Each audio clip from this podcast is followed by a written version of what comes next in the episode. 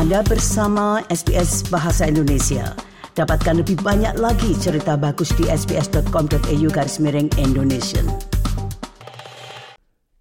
Pendengar, pakar kesehatan memperingatkan bahwa Australia kurang siap menghadapi kemungkinan epidemi fentanyl seperti di Amerika.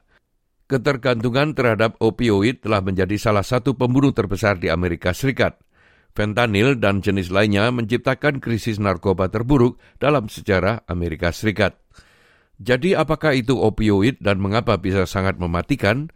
Berikut ini penjelasan yang disusun oleh Ciara Hain untuk SBS News. Suster Marilyn Cochrane pertama kali diberi resep opioid pada usia 30-an untuk mengatasi nyeri rematik. Ia akhirnya meminumnya setiap hari selama hampir 30 tahun.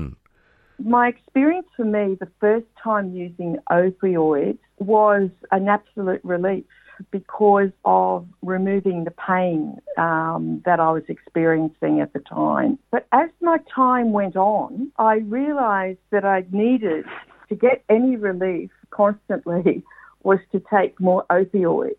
The side effects for me became a bit problematic. Like I, there, there was a stage where I couldn't drive. I was becoming just lethargic and sort of not want, wanting to do anything. It was that like being in a cloud.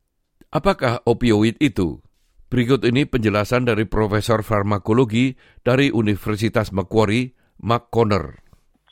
activates opioid receptors. Originally, they came from poppy plants, so people would be familiar with morphine. And then there are a lot of other synthetic molecules uh, that do the same thing uh, that morphine does. Typically, opioids are used for pain relief following acute trauma. So, if you break a leg or potentially have a, a serious operation, they can also be used to treat some kinds of chronic pain, uh, particularly pain associated with cancer.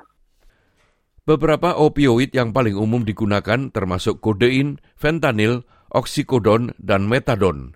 Biasanya ditemukan dalam bentuk tablet, namun bisa juga dalam bentuk cair. Heroin, opioid lainnya biasanya disuntikkan. Suster Cochrane telah menjadi biarawati di Sisters of God Samaritan selama lebih dari 40 tahun dan ia menderita artritis yang melemahkan dan nyeri saraf sejak awal usia 20-an. Menurutnya, opioid tidak banyak gunanya untuk nyeri kronis dalam jangka panjang. My difficulty was then that I wanted to live a sort of clear quality life, you know, and how was I going to do that? Because I couldn't do it with the amount of opioids um, that I was taking at that time. There was a, a, a time came that my pain was still there and it became worse where I went up in opioids in the prescription. That's when I realised that I couldn't keep depending on them because with the opioids, there still comes a time where you still have the pain. Opioid sering diresepkan dan digunakan oleh banyak orang di Australia yang mengalami nyeri berat.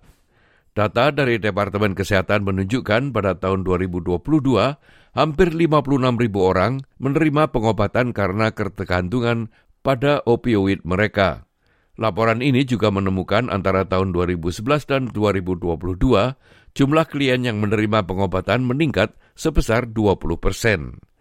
Profesor Connor mengatakan opioid bisa berbahaya jika Anda meminumnya dalam jangka waktu lama tanpa mempertimbangkan apakah opioid itu masih bisa menghilangkan rasa sakit Anda. They can stop working um, after a while, and so you may need to take more opioids, and that can become a problem. Typically, they're problematic with long-term use. Yeah, if you take too much at once initially, you can have a problem with an acute overdose. But for the most part, they're reasonably safe uh, when prescribed for you know, a broken leg or post-operatively. They ca- they can be dangerous and they can be problematic for people, but they're also really useful um, for pain relief. And you know, pain is you know post-operatively or, or chronically, pain is really debilitating. Opioid farmasi kini menyebabkan lebih banyak kematian terkait obat di Australia dibandingkan dengan kategori obat lainnya. Meskipun obat ini hanya tersedia dalam kasus tertentu melalui dokter, karena sifatnya yang membuat ketagihan, terdapat juga pasar ilegal. Mark Lodge adalah Associate Professor di Universitas Teknologi Queensland. Ia mengatakan fentanyl yang 50 kali lebih kuat dari heroin adalah salah satu opioid paling berbahaya yang perlahan memasuki pasar. A lot of people become hooked on fentanyl because they're unaware of fentanyl contamination and other drugs they're taking. This is the evidence from overseas. So some fentanyl goes into cocaine, sometimes it appears in meth, but the primary group of people who end up with a fentanyl addiction are heroin users. Because fentanyl is so much cheaper, a lot of people who supply heroin are using fentanyl to produce the same outcome as heroin at a much cheaper price, but they're still selling it as heroin. Amerika Serikat sudah menghadapi epidemi fentanyl. Badan Pemberantas Narkoba atau Drug Enforcement Agency mengungkapkan bahwa negara tersebut telah menyita lebih banyak obat pada tahun 2023 dibandingkan tahun-tahun sebelumnya. Mereka telah menyita 386 juta dosis fentanyl yang mematikan yang dikatakan cukup untuk membunuh setiap orang Amerika. Menurut Associate Professor Lodge, dampak dari fentanyl ini terhadap Australia masih tidak sebesar dampak di Amerika Serikat karena penggunaan obat tersebut masih relatif rendah dibandingkan dengan Amerika Serikat. The illicit market for fentanyl, the, the chemicals are made mostly in China, um, but the fentanyl is produced in Latin America, mainly Mexico, sometimes Colombia, and it's coming to Australia from the information we have right now through the same sources that are providing cocaine from that same region. The danger, unlike cocaine, is the death rate, where there's all these stories in America where um, the, the opioid overdose rate is so high, they are losing more people than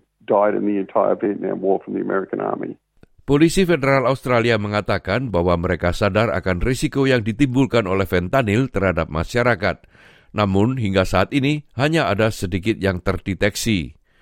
Pakar kesehatan mengatakan lebih dari 45 persen kematian yang tidak disengaja akibat penggunaan narkoba pada tahun 2021 terkait dengan opioid. Hal itu telah menyebabkan dilakukannya beberapa upaya untuk menarik perhatian terhadap bahaya tersebut. Rangkuman tersebut disusun oleh Ciarahin untuk SBS News dan disampaikan oleh Ricky Kusumo. Sukai, berbagi, komentar. Ikuti SBS program Bahasa Indonesia di Facebook.